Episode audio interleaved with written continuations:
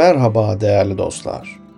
Stoacı Yaşam Felsefesi başlıklı bu podcast serisinde antik dünyadan ve literatürden günümüze süzülen Stoacı yaşam anlayışına ilişkin düşünceleri sizlerle paylaşacağım.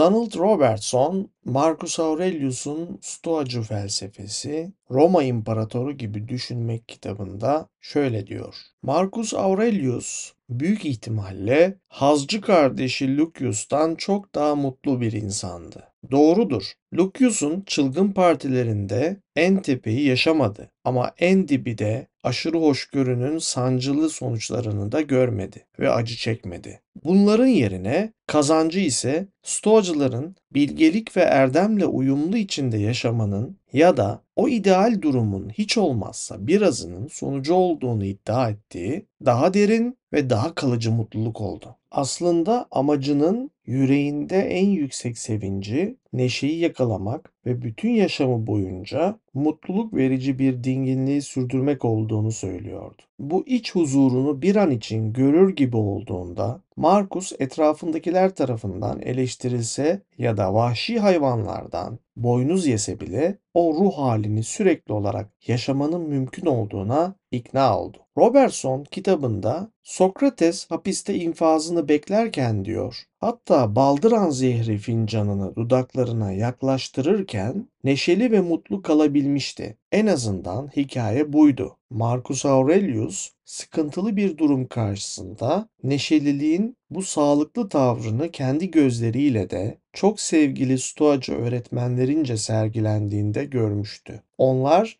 genç Marcus Aurelius'a iç huzurun ve mutluluğun gerçek bilgelik ve öz disiplinle uyum içinde iyi yaşanmış bir hayatın doğal sonuçları olduğunu öğretmişti diyor. Daha önemlisi korkunç sıkıntılar karşısında bile bu büyük adamların eylemlerinde somutlaşmış gerçek yaşam tarzlarının bu olduğuna dair kanıtlara Marcus Aurelius da tanık olmuştu. Burada neşe kavramı önem kazanmaktadır. Donald Robertson, modern dil, antik Yunan felsefesinde yapılan bazı ayrımları özellikle iş, duyguları ve heyecanları tanımlamaya gelince yakalamakta ve yansıtmakta çok donanımlı değildir diyor. Has kelimesini çok geniş olarak neredeyse herhangi bir olumlu duyguyu kapsaması için kullanırız diyor. Halbuki stoacılar has türünde ayrım yaparak yemek, seks ya da pohpohlama gibi dış şeylerden aldığımız haz ile Marcus Aurelius'un bahsettiği derin içsel neşeyi, keyfi birbirinden ayırırlar. Yazar, stoacı neşe derindir diyor. Hayatta temel amacınızı elde etmekten ve doygunluğun verdiği gerçek mutluluğu yaşamaktan gelir diyor. İnsanın gerçekten hoşlandığı şeyi yapmaktan veya düşünmekten duyduğu neşe yani keyif çok büyüktür. Başka hiçbir neşe veya keyifle karşılaştırılamaz. Çünkü insanın kendi iradesine dayanmaktadır. Bizim onunla ilgili herhangi bir şüphemiz yoktur.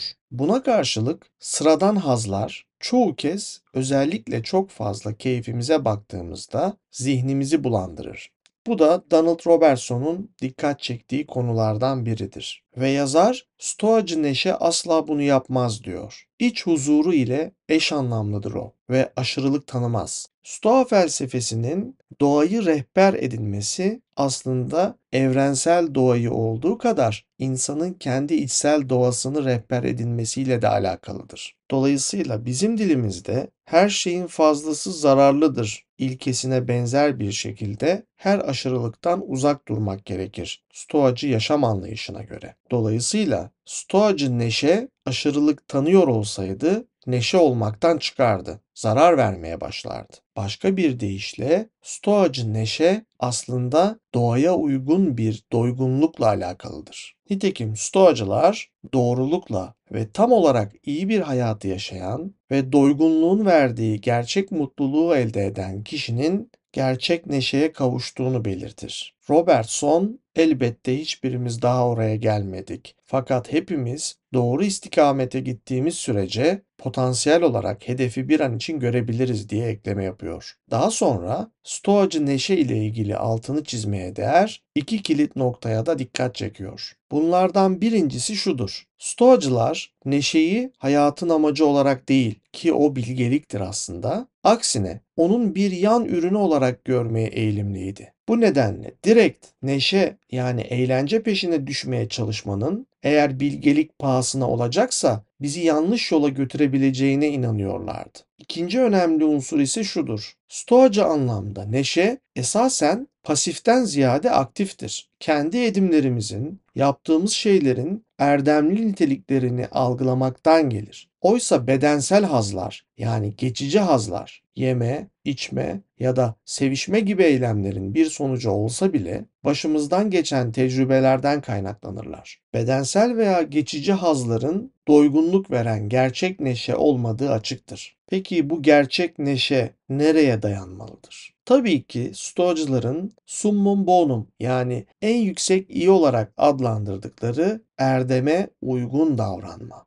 Evet, erdeme uygun davranma neşenin kaynağıdır. Yine de Marcus Aurelius başka yerlerde neşenin erdem dışında iki ek kaynağından da bahseder. Bunlar Stoacı ahlakın kapsadığı üç ana ilişkiye de uygun düşer. Bizim kendiliğimiz, başka insanlar ve bir bütün olarak dünya. Sonra Robertson bu üç unsuru açımlıyor. 1. Kendinizde erdemi izlemek. Marcus Aurelius bir stoacı için hem dinginliğin hem neşenin en önemli kaynağının dış faktörlere bağlılığı bırakmaktan, özellikle de başkalarıyla ilişkide erdemi veya erdem olarak da karşımıza gelen adaleti göstererek bilgece yaşamaya odaklanmaktan geldiğini söyler. Dışsal unsura bağlılık erdemden uzaklaşmayı gerektirir ve yine dışsal unsurlara bağlılık bizi adaletten uzaklaştırır. Bizim erdem temelli bir davranış sergilememiz aslında içten gelen, doğamıza uygun olan bir tavırdır. Neşenin aktif olarak değerlendirilmesinin nedeni aslında budur.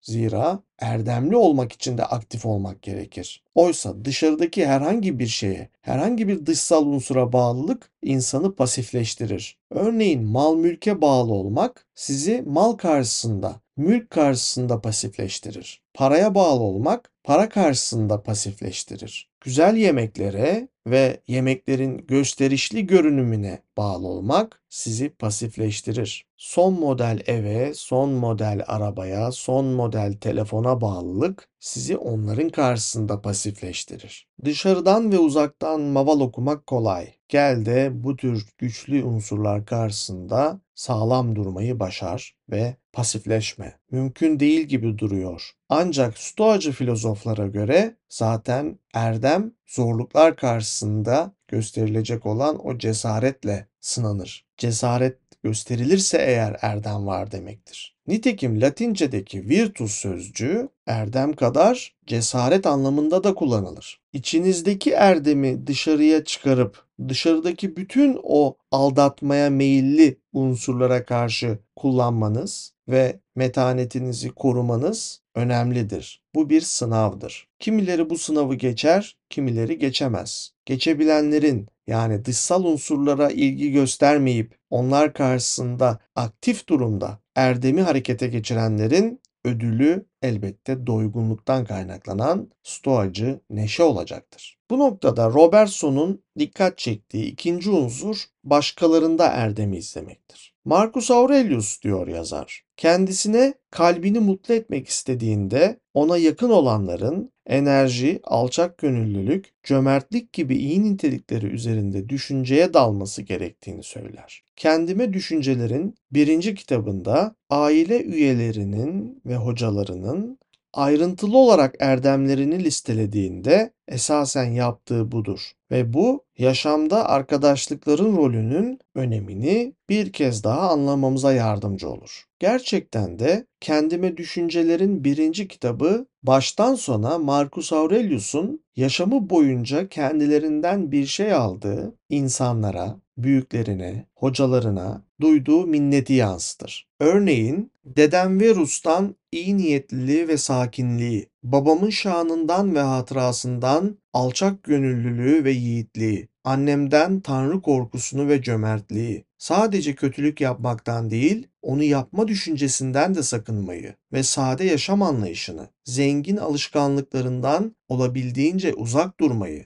Diognetus'tan gereksiz şeylere takılmamayı, mucizelerden bahsedenlerin ve büyücülerin büyü, şeytan çıkarma ve bunlar gibi şeylerle ilgili sözlerine inanmamayı, bıldırcın beslememeyi ve bu tür şeylere karşı heyecan duymamayı, yalın konuşmaya içerlememeyi ve felsefeye aşina olup önce Bakheus'un sonra Tandesis ile Markianus'un öğrencisi olmayı, henüz bir oğlanken diyaloglar yazmayı, postla örtülü bir tahta yatak ve Yunan eğitimiyle örtüşen diğer şeyleri istemeyi. Bütün bunları ve daha birçok şeyi birçok insandan almıştır Marcus Aurelius ve Kendime Düşüncelerin birinci kitabında bunları açık açık yazar. Bir insanın minnetini belirtmesi çok takdir edilesi bir davranıştır. Bu dünyaya yalnız başımıza gelmiş olabiliriz ama yalnız yaşamak zorunda değiliz ve kendilerinden bir şeyler öğrendiğimiz insanlara sürekli minnetimizi ifade etmeliyiz. Başkalarında erdemi izlemenin bir yolu da budur zaten. Robertson'un dikkat çektiği bir diğer husus kaderinizi hoş karşılamanızdır. Marcus Aurelius kendisine çoğumuzun yaptığı gibi olmayan şeyleri arzulamak yerine zaten önümüzde olan şeylerin hoş taraflarını ve eğer olmasalardı onları nasıl özleyeceğimizi düşünmemiz gerektiğini de söyler. Bir şeyin değeri ancak kaybedildiğinde anlaşılır minvalinde bir yaklaşımdır aslında bu. Bir şeyi kaybetmeden değerini bilmek mümkündür. Bunun için bir zihin faaliyetine ihtiyaç vardır. İşte Stoacılar bizi böyle bir zihin faaliyetine davet ediyor. Bu faaliyetin kendisi de bir neşe veya sevinç nedenidir. Pierre Hadot içsel kalede şöyle diyor. Canlı varlık gerçekten de sevinci yani neşeyi uğrunda yaratılmış olduğu işlevi yerine getirdiğinde, doğasına göre hareket ettiğinde hisseder. Bir düşünce faaliyeti içinde olmanın kendisi de aslında insan doğasına uygundur. İnsan düşünme yoluyla insan olma işlevini yerine getirir. Bu sayede yazgının belirlemiş olduğu evrenin düzenine akıl sahibi varlıklar arasındaki karşılıklı çekim yani insanın kendi doğası üzerine kurulmuş olan dünyanın ve insanların şehir devletinin düzenine ve son olarak da doğanın tözler ve öz nitelikler arasında özellikle de gereklilik dolayısıyla ard arda dizilen olaylar arasında kurmuş olduğu ilişkiyi dile getiren söylemin düzenine razı olarak hem kendi doğasını hem de evrensel doğayı izler. Stoa felsefesinden bahsettiğimizde en çok kullandığımız sözcüklerden birisidir bu doğa. Doğa sözcüğünün geçmediği bir Stoa anlatısı olamaz. Doğa aynı zamanda felsefeye de rehberlik eder. Nitekim felsefe diyor Marcus Aurelius. Yalnızca senin doğan ne istiyorsa onu ister. Ama sen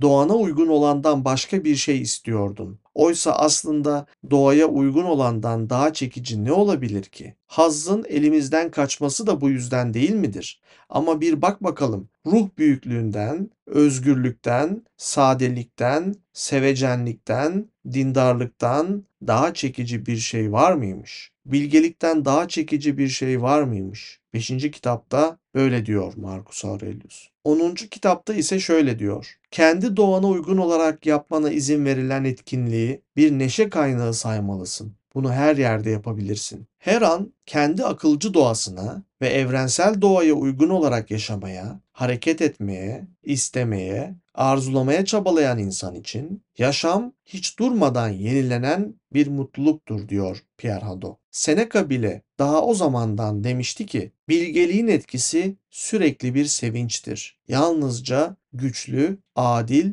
ılımlı olan sevinci tadabilir. Pierre Hadot bu noktada Marcus Aurelius'tan da şu alıntıları yapar. 12. kitaptan. Bütün ruhunla adil olanı yapıp doğruyu söylemek mi? O halde geriye arada en küçük bir boşluk bırakmadan bir iyiliği bir diğerine bağlayarak yaşamın tadını çıkarmaktan başka ne kalıyor? 6. kitaptan ise şu alıntıyı yapar. Tek sevincin, tek dinlenmen toplum yararına olan bir eylemi tamamlayarak Tanrı'nın hatırası eşliğinde yine toplum yararına olacak bir sonraki eylemine geçmektir. Marcus Aurelius'un Kendime Düşünceler adlı eserinden yapılan son alıntı ise 8. kitaptandır. İnsan için sevinç, insana özgü olan şeyleri yapmaktır. İnsana özgü olansa kendisiyle aynı türden olan varlıklara sevecenlikle yaklaşmak, duysal duyguları küçümsemek, yanıltıcı imgeleri eleştirmek, evrensel doğayı ve onun iradesine uygun olarak ortaya çıkan şeyleri hayranlıkla izlemektir. Pierre Hadot demek ki diyor, sevinç eylemin kusursuzluğunun belirtisidir. İnsanlara iyilik yapmanın hazzını yalnızca bunu sırf görev duygusuyla değil,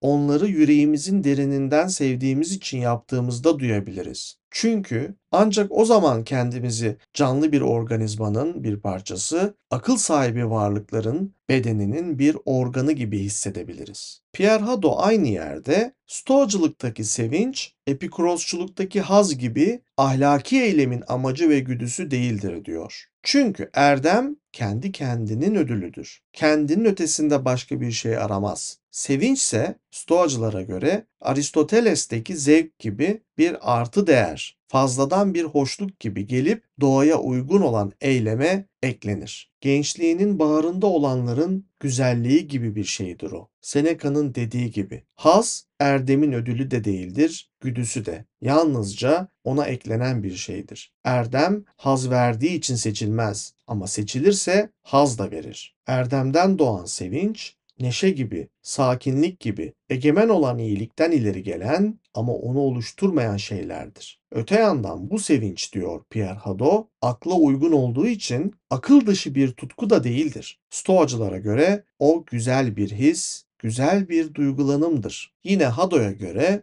doğaya uygun olarak yerine getirilmiş eylemin verdiği bu sevinç, doğanın kendi ürettiği her şey için duyduğu sevgiye ve o her şeyi içine alan bütünün parçaları arasındaki sevgiye bir katılımdır. Başka deyişle insan için mutlu olmak evrensel akıl tarafından başlangıçta her şeyin iyiliğini gerçekleştirebilmek adına o her şeyi kapsayan bütüne verilmiş olan dürtüden çıkan kaçınılmaz bir harekete katılmış olma duygusunu hissetmektir. O halde doğanın rehberliğinde en yüceyi olan erdemi hedefleyerek insanlarla birlikte adil, dürüst ve neşeli bir yaşam sürmeye odaklanmalıyız. Marcus Aurelius'un Kendime Düşünceler 7. kitap 42. bölümde Evripides'ten alıntıladığı gibi benden yana şans ve adalet. O halde şansımızı ve adaletimizi başkalarıyla paylaşalım.